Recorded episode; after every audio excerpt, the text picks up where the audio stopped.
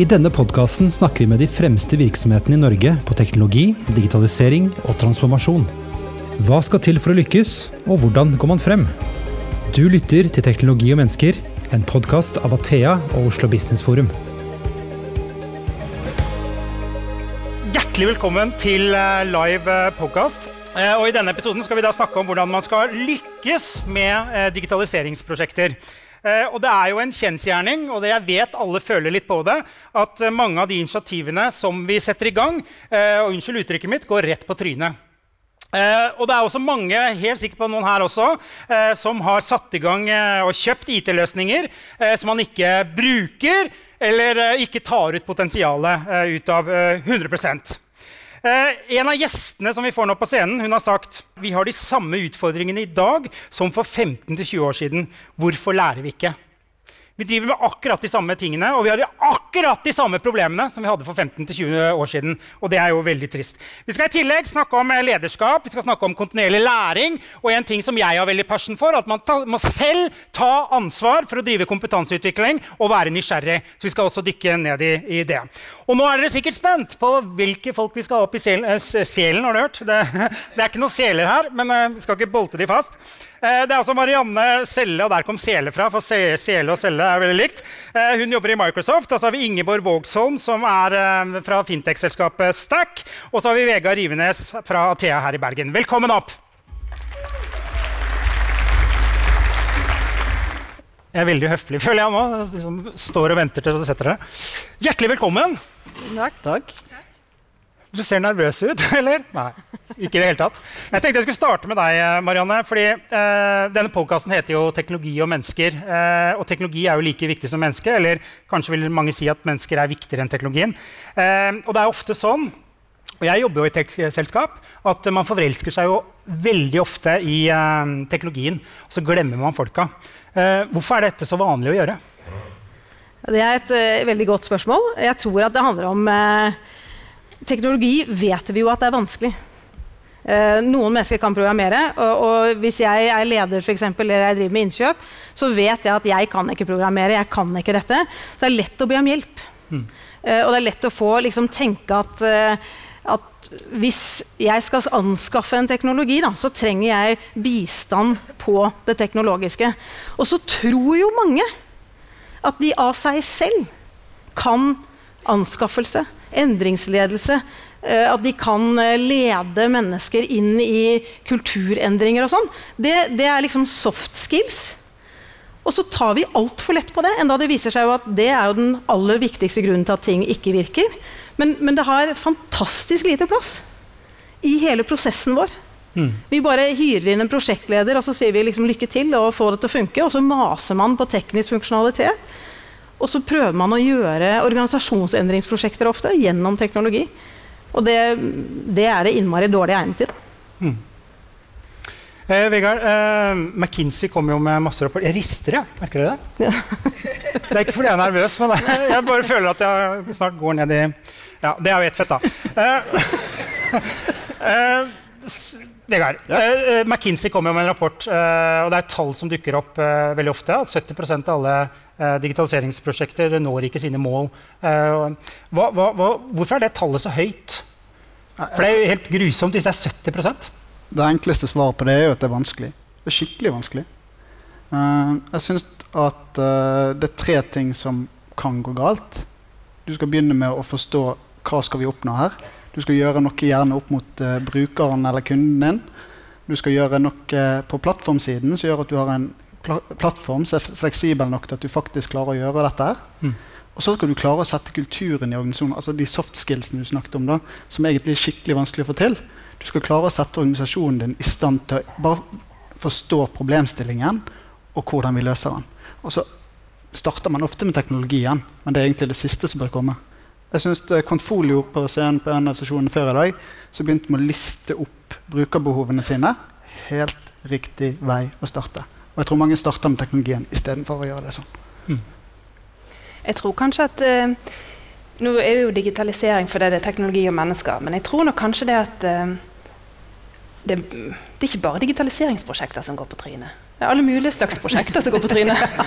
Og spesielt hvis det er snakk om komplekse sammenhenger og, og komplekse behov man skal ivareta. Så eh, nå var det jo eh, Denne rapporten fra McKinsey det handlet jo om digitaliseringsprosjekter. og Kanskje nettopp det er feilen, at vi kaller det digitaliseringsprosjekt. For hva er det egentlig vi skal oppnå hvis vi bare skal digitalisere noe? Mm. Så du er ikke overrasket i det hele tatt? Ikke i det hele tatt. Så bra. jeg, jeg må jo bare angripe det ordet digitalisering. Jeg tror det er verdens mest oppbrukte ord. Kanskje vi begynner å kalle ting litt forskjellige ting istedenfor bare å putte alt i en kjempestor sekk som vi kaller digitalisering. Og det, er egentlig, som du sier, det er mange forskjellige prosjekter som ligger inni den sekken der som feiler. Mm. Eh, Marianne, du er ganske frisk i uttalelsene dine. Når jeg hadde, I researchen så snakket vi sammen på telefon, og jeg hadde telefonrøret sto liksom ut av øra på meg. Eh, for du, du, du, er veldig sånn tabloid. Du er jo den som har sagt at eh, vi har jo pokker meg de samme utfordringene i dag som vi hadde for 15-20 år siden. Hva er det du mener egentlig? Nei, det, jeg mener akkurat det. Altså For 15 år siden, så, uh, mer enn 15 år siden så kom f.eks. smidig-bølgen. Altså ref, alle prosjekter går galt. da. Smidig kommer jo fordi at man skjønner at det å planlegge i lang tid og så gjennomføre noen ting, det lykkes egentlig ikke så innmari ofte. Mm. Og så kommer smidig, tilbyr en annen måte å tenke på. Man setter brukernes behov i sentrum, man ber om raske feedback-looper osv. Og, så og så ja, gjør man jo ikke alt riktig. Men det er jo helt fascinerende. Jeg skal holde et foredrag om smidig for ledere om en, om en uke. Altså det er What? Jeg, er, jeg, holdt foredrag for 15 år siden. Altså, er, det, er, det, ikke sånn at alle kan smidig? Liksom? Jeg blir helt sjokkert over det. Dette er den aller viktigste metoden med å drive noe som helst form for utvikling på av IT. Og så sitter altså ledere rundt omkring i dette landet og tror at de skal kunne kjøre IT-prosjekter uten å kunne smidig. Hallo! Er, hvilke bøker har du ikke lest? Det, det går ikke an å være leder i dag og drive noe som helst digitalt uten å ha satt seg inn i de aller viktigste prosessene for dette. Og dette vet vi. Og det var det jeg mente med at vi, vi snakker om disse Jeg er egentlig rystet over det. Jeg syns det er egentlig pinlig å måtte snakke om smidig i dag. For dette burde vært helt barneskolelærdom. Altså, det burde vært uh, videregående pensum. Det er mye nervøs latter i salen her. Jeg vet ikke om det, om det er ja. eh, Ingeborg, eh, smidighet for deg? Er det, sånn, for jobber, det er sikkert ikke alle som kjenner selskapet. Kanskje du skal si to ord om eh, selskapet? Jeg hadde ikke hørt om det. Nei. Eh, Stekk er et fintech-selskap som leverer både tjenester og produkter til eh, bank- og finansbransjen. Eh, startet i Bergen for, eh, i 2016, men har både gjennom oppkjøp eh, og andre erfaring eh, ganske langt tilbake i tid. Og det er klart, Jeg er jo ikke teknolog av utdanning, men min vei inn til smidig er jo via Lean. Uh, og startet min karriere som konsulent og jobbet med Lean-prosjekter. Og stanget ofte hodet i en IT-vegg. At prosessen kunne bli så bra, men ikke enda bedre. fordi da var det noen IT-systemer som stanget, og det var helt umulig. Så utrolig kjekt nå å være med et selskap hvor ikke den veggen fins lenger. Eh, men det er klart, de prinsippene om å forstå kunden, forstå behovet, forstå hva som skaper verdi, og også forstå hva som ikke skaper verdi, så du faktisk kan kutte ut. Det er minst like viktig. Mm. Selv om det er kjempeviktig, og alle tror at man fortsatt må gjøre det, så er det ikke sikkert det. Eh, det er noe man er nødt til å jobbe med kontinuerlig. Så du kjenner deg ned. Dere jobber bare smidig. Dere har vært borti Bulder òg? Bulderbank? Det er riktig. Mm. Og det er smidig utvikling? Ja, der, der er vår rolle inn mot Bulderbank De har jo et veldig dyktig team selv. Men vår rolle der har vært å bidra med UX. Og det er jo nettopp å kunne lytte til brukerne og forstå hvordan du skal gjøre det enkelt å bruke appen deres. Mm. Eh, Vegard, du har jo eh, Det blir litt sånn depressivt, kanskje. Vi kommer litt til sånn positive ting etterpå. da, det lover vi. Eh, men uh, Vegard, du, er jo, du har jo Nå hadde du en litt rar bakgrunn, uten at jeg vet helt hva det var. Det er sikkert en veldig fin bakgrunn. da.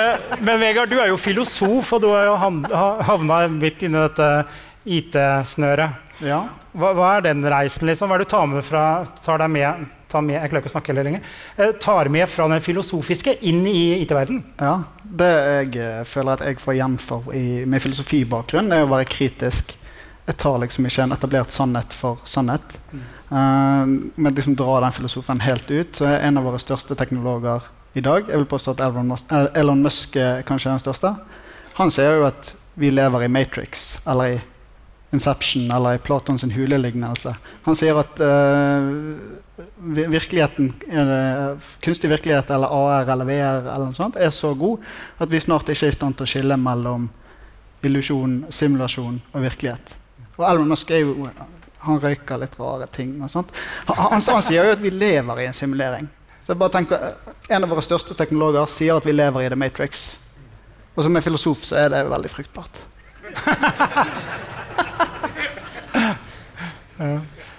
Hva tenker du, Marianne?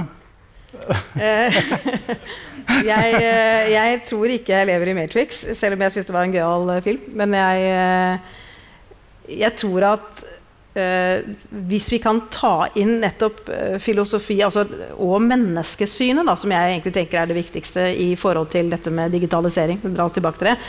Uh, du sa at vi skal bli litt positive, og klart at jeg kan rante om at man må se på de samme tingene igjen og igjen. Men det er egentlig så handler det om å se mennesker mer enn teknologien. Altså, det handler om å se behovene du skal løse for mennesker.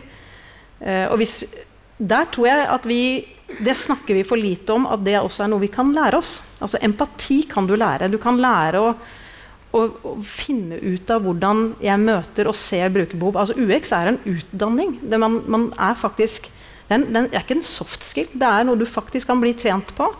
Eh, og det tror jeg er viktig. At vi skjønner at ja, jeg må ikke nødvendigvis være programmerer. da. Jeg kan komme inn med en genuin idé om å se menneskers behov og se gode løsninger for mennesker. Fordi jeg forstår hva som er utfordringene. Og der ligger jo mye av hemmeligheten til å lykkes med alle disse prosjektene. Det er å treffe akkurat de behovene. Om jeg kan om jeg kan få følge opp på den, unnskyld, uh, så har jeg òg en sånn positiv opplevelse. Uh, og nå skal jeg være litt personlig. Jeg ble far for 15 dager siden. Uh, og det gjør at jeg har forholdt meg til det offentlige byråkratiet. Jeg har søkt om foreldrepenger. Uh, og det gjorde jeg sist for litt over fire år siden. Det var en utrolig tungvint eh, prosess der jeg følte systemet ikke kjente meg.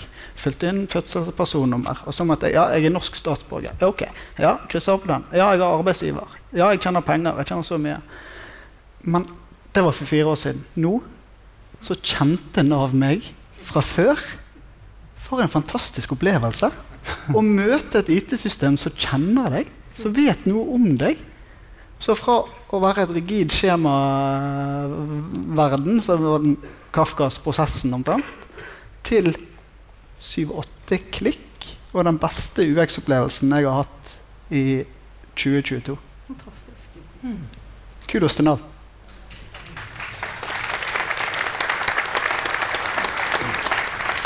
Ja, altså nå, jeg syns jo egentlig det er jo egentlig litt morsomt Marianne, at du er så irritert av at ikke vi har lært de siste 15 årene. For vi mennesker vi har jo biokjemisk ikke forandret oss de siste hva, 10 000 årene. eller noe sånt. Sånn at eh, Jeg tror at det er like viktig som å lære seg teknologi og å være nysgjerrig på teknologi, så det er like viktig å eh, være interessert i og nysgjerrig på mennesker i møte med teknologi. For eh, det er klart vi endrer oss ganske sakte.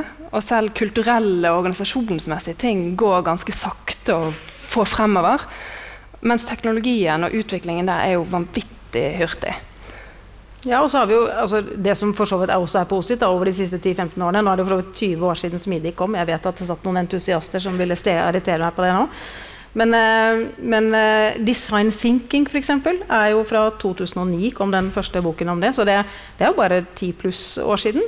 Uh, Lean eh, Startup kom jo egentlig etterpå. sånn at vi ser jo at den smidig-tanken brakte jo av sted en hel masse ny læring og ny fokus nettopp på dette med mennesker. Så jeg er jo, kanskje ti år er litt lite, men jeg håper jo at, at det kan få enda tyngre gjennomslag. Det, smidig har jo fått også gjennomslag i organisasjonsutvikling, men i veldig liten grad ennå. Uh, men handler, alt er de samme prinsippene. Søk feedback, Gjør det om hvis du har gjort feil. Det går an å gjøre i org-endringer også. Hvis jeg splittet opp et team i to, det funket ikke. Nei, slå det sammen igjen. da. Hvem har sagt at du ikke kan gjøre det? Så det, Hele den tankegangen griper jo om seg. Så det er jo en utvikling. Men litt langsom, kanskje. Men jeg, tror det, jeg føler at i min erfaring så går det litt på det organisatoriske i bedrifter. Kommandolinjen, på en måte. At ok, Om vi har en ledelsesstrategi og visjon her, og setter opp autonome team som skal jobbe mot den, så har man gode forutsetninger for å lykkes. Men det kreves på en måte at den strategien og visjonen deles i hele linjen, og at, at hver mellomleder nedover har forståelse for den og forståelse for hvordan den kan oppnås. Så jeg, jeg tror veldig mye mangler på det organisatoriske eh, hos de som mislykkes. Mens hos de som lykkes, så er det mye større grad på plass. Og Ref Nav, da, de som utviklet denne løsningen, det er jo autonome team. Jeg var på GitHub nettopp i sted. Ja. Vet du hvor mange deploys Nav hadde i snitt per uke i 2022? 1432. Fantastisk. Det er smidig. Det er smidig. Nå tenkte jeg, Det var veldig ros av offentlig sektor her. Eh, det er viktig, det. Eh, men jo, mediene er jo fulle nå av Akson, det pasientjournalsystemet. Eh, halv milliard har de putta inn i det. Og nå skrur regjeringen av pengekrana. Så jeg tenkte, er det noe det høres nesten ikke ut som så spørsmålet er kanskje irrelevant, men er det noen forskjell her mellom offentlig og privat sektor på hvor flinke man er til å drive disse transformasjonsprosjektene? Eller er det egentlig bedriftskultur? Marianne, hva tenker du? Eh, jeg har jobbet veldig mye med offentlig sektor. Eh, min take er vel nesten at offentlig sektor er bedre enn privat. Fordi at i offentlig sektor så har man hatt uh, i hvert fall de store offentlige etatene som har mye penger. RF, Nav, Skatt, en del av de andre. De har hatt en veldig bevisst fokus på nettopp utviklingsmiljøene og smidigkulturen, og de har hatt råd til å skaffe seg bistanden. Veldig mye av privat sektor har jo ikke si, den marginen eller det overskuddet, så de har i større grad kjørt uh, med lavere budsjetter uh, og egentlig ikke tatt seg råd til å bruke penger på å endre måten man jobber på. For det er jo en kostnad. Så jeg, jeg ser vel at uh, i Norge så ser vi jo mye til Nav og Skatt og Vegvesenet og disse, og det er en grunn til det. Mm. Vi har noen skikkelige bjellesauer som viser på en måte ja. vei. Uh, og, og, mange av de er offentlige. Det finnes et vel, ja. Jeg vil støtte deg der. Jeg, min opplevelse er at offentlig sektor er flink til det. Og så er det igjen det, jeg tror nok at Grunnen til at vi hører så mye i media om de store prosjektene som går, som går gale, det er jo nettopp fordi de er så store. Mm. Så Det er kanskje den største forskjellen mellom offentlig sektor og privat sektor. At privat sektor må ta på en måte ett lite steg av gangen. Eh, nettopp pga. budsjett og prioriteringer og helt andre rammebetingelser.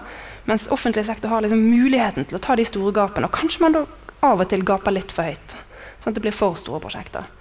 Og så er det igjen dette med at mennesker har ikke forandret seg. Sånn at eh, På 70-tallet så fant jo Kahneman ut eh, at vi er rett og slett elendige til å planlegge. Altså, vi mennesker vi kan ikke planlegge. Vi er altfor optimistiske. Og det er uavhengig av hva vi skal få, altså, uavhengig av hvilket plan det er. Om vi er hjemme og tenker at nå skal jeg bare støvsuge og så skal jeg gjøre det og skal rekke det før jeg skal et eller annet, hvor mange her er det som klarer å gjøre det? Av dere som er hjemme, eller dere som er i salen. Vi er alltid for optimistiske når vi planlegger. Og det gjelder også om vi planlegger et stort kollektivt prosjekt, eller om vi planlegger et lite prosjekt.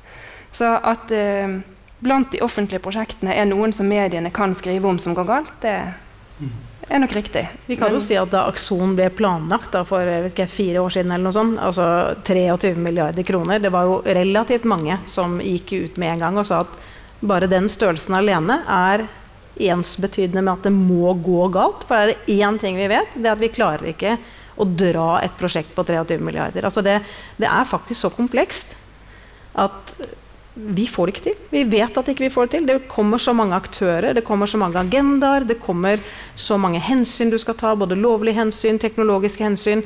Så, så det blir bare Det er nødt til å mislykkes, nesten. I ren, skjær størrelse. Og i, tilbake til da dette med smidig. altså Tanken er jo å bryte ting ned i håndterbare moduler, håndterbare ting. Fordi at vi nettopp er dårlige på å planlegge. Og det, vi vet det. Og dette med moduler det syns jeg er veldig bra. Om du bygger, uh, bygger uh, prosjektene dine eller bygger infrastrukturen din i moduler, så har du den gjenbrukseffekten som gjør at ok, neste prosjekt så kan du faktisk komme til markedet mye raskere enn du hadde gjort på forrige, for du har gjenbrukbare moduler. Jeg har et eksempel på det fra jeg har en kamerat av meg som jobber i Cutters. Uh, han hadde et kundemøte, og så svarte de ja, vi vil ha et bedriftsabonnement. Ja, det har vi ikke. Eller han var jo selger, da, så han sa det har vi. uh, og, så gikk han ut av det møtet og sa shit, uh, ringte han til tech-teamet sitt og sa ok, vi må ha et abonnement. Cutters as a service. De, faktisk, de lanserte det forrige mandag. De klarte å gå fra en selgers ville idé til en ferdig løsning på en uke. Og ja, jeg vet at Cutters har legacy på et kvarter. Glem det. Men de hadde noen moduler som gjorde at de kunne gjenbruke det og ha faktisk en ny, ny inntektsstrøm i løpet av en uke. Og det synes jeg er Kjempekult. Se. Ja. Det er veldig bra. Og selv en del unge selskaper klarer å skape seg legacy. Altså, du kan lage dårlig arkitektur selv om du er ny. Så det er, eh, det er cred til dem at de faktisk klarer å holde da, enn om man så modulær arkitektur. Det er, klart, det, det, er forskjell på et kvarter og ja, 40 år i en kommune. Så, så, vi skal gi kommunene den, da. Tenker jeg. Ja. Uh, nå har vi jo snakket litt om uh, at man forelsker seg i teknologien. dette med, uh, liksom du sier at For store prosjekter klarer vi ikke å håndtere osv. Men så har vi et annet stort problem, og det er jo lederne. ikke sånn generelt sett, da, men det er jo mye problemer her. da. Men et eller annet transformeringsprosjekt, eller du skal få noe til å skje uten at lederne er med, så skjer det jo svært lite. Eller de kan i hvert fall sette kjepper i hjulene eh, fordi de ikke forstår osv. Eh, hva tenker dere om lederskap i denne eh, måten å tenke på? Jeg har hatt ledere som ikke har skjønt noe. Eh, ikke nå, da, men før. jeg kan ikke si det heller, kanskje, men det er jo er det ikke sant? På en måte så i hvert fall, eh, Jeg har jo ikke vært leder i så veldig mange år. Uh, og uh, jeg kunne ikke så mye om teknologi. Jeg var nødt til å ha tillit til at de som var der fra før av, visste det de holdt på med. Og det tror jeg var en kjempefordel for meg. For det første så trengte jeg ikke å være redd for at noen var bedre enn meg, for det var de. Så jeg fant ut at jeg må rett og slett gå inn i dette her med en holdning om at jeg er ung og dum og ny. Og så fulgte jeg jo 40 for uh, litt tilbake, og da er jeg jo ikke så ung lenger. Nå har jeg vært der i fire år, så jeg er jo ikke så ny lenger. Men jeg får bare fortsette å være dum og stille spørsmål. Jeg tror at, at, mange ledere, særlig folk som har vært ledere en stund, kommer i kulturer hvor nettopp de skal være best. Uh, de skal ha kontroll. Du blir jo kalt inn til Du skal f.eks. budsjettere da, et prosjekt. Vi skal ha nytt uh, CRM-system eller vi skal ha et eller annet nytt system. Og så blir man jo som, Det er ikke sikkert du kan noen ting om det, men du sitter i denne ledergruppen. Og så blir du avkrevd å si ja eller nei til et budsjett på 5 millioner kroner. Uten overhodet å vite hva du sier ja til. Og jeg tror at Vi plasserer ledere i en del sånne umulige posisjoner. Og så har du sagt ja til det, og så skal man følge det opp. Da har du fortsatt ikke fått noe mer kompetanse på innføring av det. Men det blir liksom litt ditt ansvar. Og det man da følger opp på, ser vi jo hele tiden, det er på hvor mye penger bruker vi. Og hvilken funksjonalitet får vi ut av det. Og den diskusjonen som veldig ofte ikke finner sted i disse ledergruppene, det er jo hvordan skal vi se ut når dette er ferdig? Hva slags kultur skal vi ha? Hvordan skal vi jobbe? Hva skal dette dra oss videre til? Og det er jo kanskje der jeg opplever at ledere virkelig mangler erfaring. Eh, og at det er, det er, diskusjoner som ikke finner sted. Det er hvordan kommer vi videre? Vi skal migrere til sky. Ja vel. Hvorfor det? Nei, kanskje spare penger. Det vet vi at man ikke gjør. Uh, unnskyld. Uh, og så uh, Hva annet? Nei, vi kan bli mer innovative. Hvorfor det? Hva skal du innovere på? Hvis du stiller de spørsmålene til mange ledere, så har de ingen tanker om det. De bare har en slags sånn idé om at vi må være moderne. eller noe sånt. Og der tror jeg at vi kan bli flinkere til å utfordre altså på en hyggelig måte. Ikke aggressivt, for de har egentlig ingen forutsetning for å vite det. Men ta heller dialogen. Da. Hvordan kan vi løfte dere faktisk videre? Kan vi snakke om det før vi begynner? Det er to ting. Hva er visjonen din, og hvordan kommuniserer du det i, organisasjonen, organisasjonen, din på en måte som gjør at organisasjonen omforenes om den visjonen? Da? Jeg tenker det, det, mye av det går på god kommunikasjon i egen linje. Ja, og så tror jeg dessverre ofte at den visjonen Jeg har jo spurt veldig mange hva, hva, hva vil du egentlig med dette.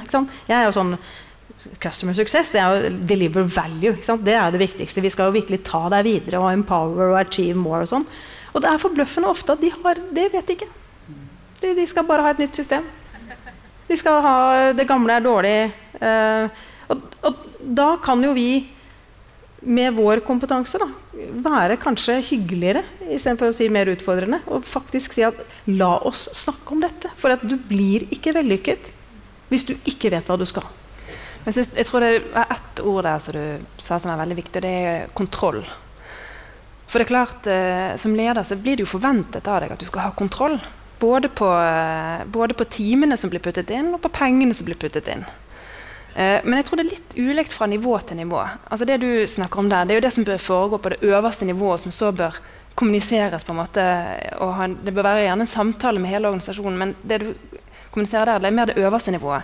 Mens mellomledere der ute de sitter jo midt i en sånn skvis. Det er jo sånn blekksprutnivå. For du har både presset fra, fra din leder på hvordan du skal gjøre det, og du er tett nok på dine medarbeidere til at du hører hvordan det faktisk er, og blir gjerne utfordret ut av de.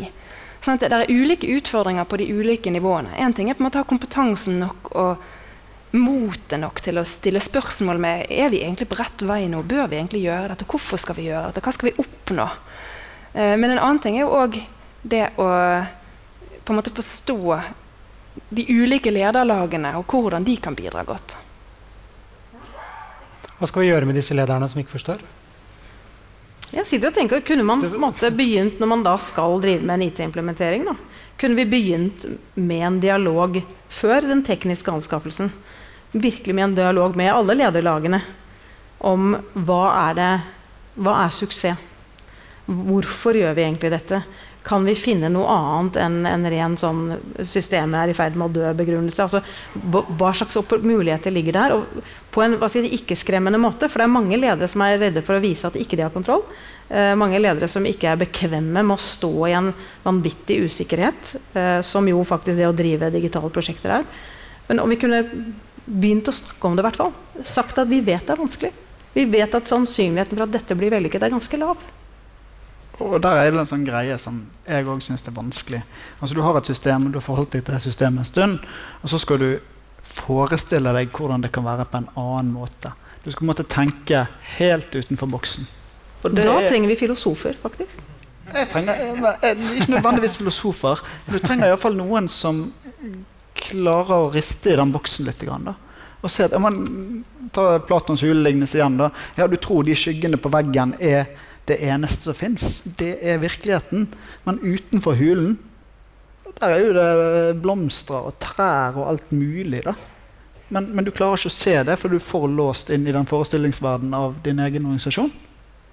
Og derfor tenker jeg det er så viktig med disse positive historiene. som vi har vært litt innomfor. Da. Vi må fortelle dem mye mer. Vi kan ikke bare fortsette å si ja, men hvem som sier at 70 feiler. Ja, dere kommer til å feile. Mest sannsynlig. Nei, vi må slutte det. Vi må si at det går faktisk bra.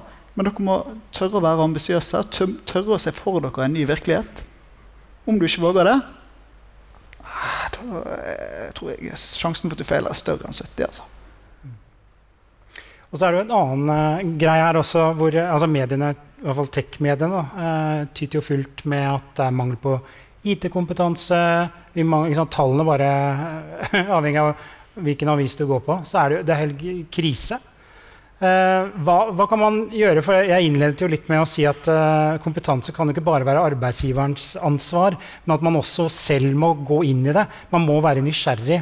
Uh, hva tenker dere om det? Hvordan skal vi løse dette? Det er jo grusomt høye tall. Det er jo som snakker om 10 000 vi mangler osv. Kommer jo aldri i verden til å få til det. Hva kan vi gjøre, Marianne? Nå kan vi jo til og med bruke filosofer da, i IT-bransjen, så, så, det burde jo ikke være noe problem. Nei, eh, jeg tenker jo at eh, jeg er veldig for at eh, kompetanseutvikling er en personlig ansvar. Og jeg intervjuer ofte folk og så sier jeg bruker du tid utenfor arbeidstid på å oppdatere deg selv. Og de som ikke svarer ja på det, de havner veldig langt bak i den køen av arbeidssøkere. Fordi at vi er nødt til Dette handler om karriere. Dette handler om livet mitt. Altså de tingene som Jeg må drives til å lære meg nye ting fordi at jeg ønsker selv å utvikle meg som person. Og det kan være om fag eller om metode eller hva som helst. Men jeg, og det tror jeg vi må snakke med fagforeningene om også. For det sitter jo igjen i mange virksomheter en slags sånn forestilling om at, at kurs nei, det er noe jeg går på når arbeidsgiveren min har kjøpt et kurs til meg Og så er det liksom min faglige utvikling. Mm. Uh, og da tror jeg ikke vi kommer videre. Jeg tror Det kompetansegapet vi snakker om i dag, er altfor stort. Kanskje spesielt innenfor teknologi så er det jo faktisk så mye tilgjengelig. Både litteratur, bøker, podkaster, YouTube-videoer. Sånn man må ikke være utvikler for å drive litt med programmering. Og når du snakker om kompetansegap, så er det veldig fort at vi snakker om måte, disse programmererne, disse utviklerne. Men er, vi har jo snakket veldig mye om hvilken annen type kompetanse skal til for at denne type prosjekter skal lykkes. Så det er jo ikke sånn at vi bare trenger utviklere eller programmerere. Vi trenger folk som er nysgjerrig og interessert i teknologi, og å gjøre noe bedre for noen. Bygge noe. Lage noe. Skape verdi. Så jeg tror nok at det fins Ja, vi må nok eh, være tydeligere på at hver enkelt har et ansvar. Men jeg tror det er også mulig for oss som arbeidsgiver å ta et stort ansvar. Eh, for å hjelpe folk med å finne ut hva som er det rette for meg og ikke. Eh, med å legge til rette for at man kan ha den utviklingen. Og så tror jeg òg at vi er nødt til å stille større krav til, eh, til staten i forhold til hvilke type utdanninger og utdanningsplasser som finnes. Tenk at det fortsatt ikke finnes yrkesfag for programmerere. Man må ikke ha en femårig utdanning for å bli en skikkelig god programmerer et yrkesfag hvor du har toårig to år i teori på videregående og så blir plassert ut hos en praksisbedrift. Jeg er helt sikker på at det er mange bedrifter som ville tatt imot en som hadde to år med grunnleggende kunnskaper som var genuint interessert i dette. Mm. Vi nærmer oss slutten nå, faktisk. Eh, det går jo så fort. Dere prater så mye. Men det er veldig bra. Jeg liker det. Eh, men eh, du nevnte jo Elon Musk. Eh, hvis jeg kunne bare tatt en kort runde på Hvem er det som inspirerer dere, eller hva er det som inspirerer dere for nettopp å få til denne transformasjonen eh, på en god måte? Se på deg, Marianne. Det blir faktisk vanlig. Det er mange. Ja. Eh, da vil jeg egentlig kanskje si eh, disse smidige gründerne. Eh, de som driver DevOps. Altså disse som Jeg leser jo masse bøker, så kudos til Simon Sinek og Lean Startup-bevegelsen og alle disse. Jeg, er, eh, jeg, blir veldig inspirert av folk som, som, tør. Som tør å feile, som tør å eksperimentere, som tør å forske på resultatene, og som tør å stå i, i den ubehagelige endringen over tid. Men det er mange. Det er kolleger av meg som er fryktelig inspirerende. Ingeborg, hvor er det du henter inspirasjon? Jeg eh, er jo mer en som er opptatt av mennesket og blir kjent med mennesket. Så jeg blir faktisk veldig inspirert av å lese noen av de mer sånn klassisk litteratur. Altså Ibsen, Machiavelli, Austen. For man lærer faktisk mye om oss som mennesker også ut av, uh, ut av det. Mm. Ellers er jeg så heldig å være i et kollegie som er utrolig inspirerende, som har lyst til å få til ting nå, og ønsker å få til noe. Setter seg hårete mål som vi nesten ikke tror på sjøl, men har litt lyst til å få til likevel. Og som vi faktisk klarer å nå. Det er utrolig inspirerende. Deilig følelse. Uh, er du ferdig med Elon Musk, eller vil du ha ja, Han er egentlig ikke et kjempestort uh, forbilde på mange måter. Men uh, jeg vil slå et slag for alle de litt som du sier, startupsene. De små selskapene som sier nei, nei, vi skal utkonkurrere Microsoft og Dynamics. Vi lager noe greier. Nei, nei, vi skal revolusjonere fintech. Nei, nei, vi skal lage bank på en ny måte.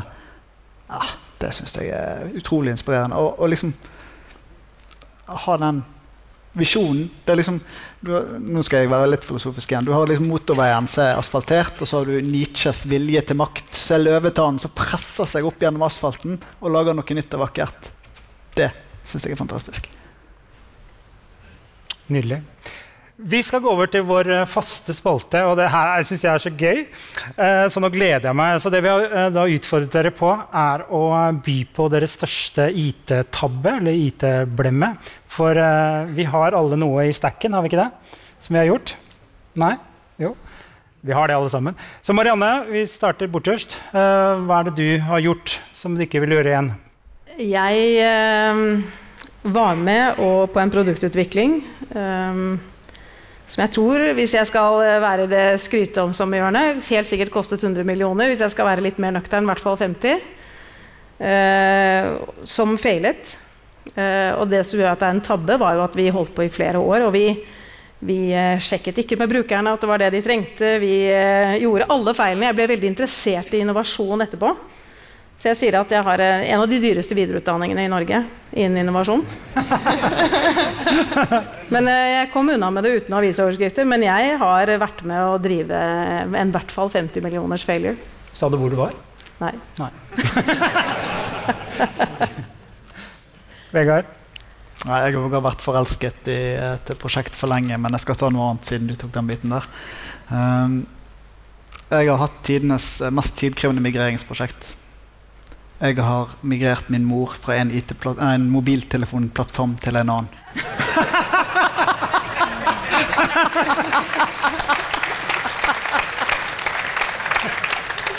Vi snakker eh, livslang support. Så hun er ikke over ennå? Min far sa i går at han skal bytte plattform òg. Det er faktisk, Jeg finner ikke dette på. Dette er helt sant. Nei, ja, vi tror det, vi. Ja. Ingeborg, har du noe å by på? jeg var eh, leder for kundesenter i S-banken i noen år. Eh, og der, jeg vet alle dere har helt sikkert eh, av og til trykket litt raskt på de der sånn godta vilkår og sånn. Og jeg fikk en mail hvor jeg skulle gjøre noen endringer i noen mailløkker, for vi hadde slått to avdelinger sammen. Og jeg satt litt sånn på kveldstid og gjorde dette fort og gale og trykket veldig raskt på den knappen. Og så kom det opp et pop-up som jeg bare trykket OK. OK. Eh, og da stengte jeg ned hele kundesenteret.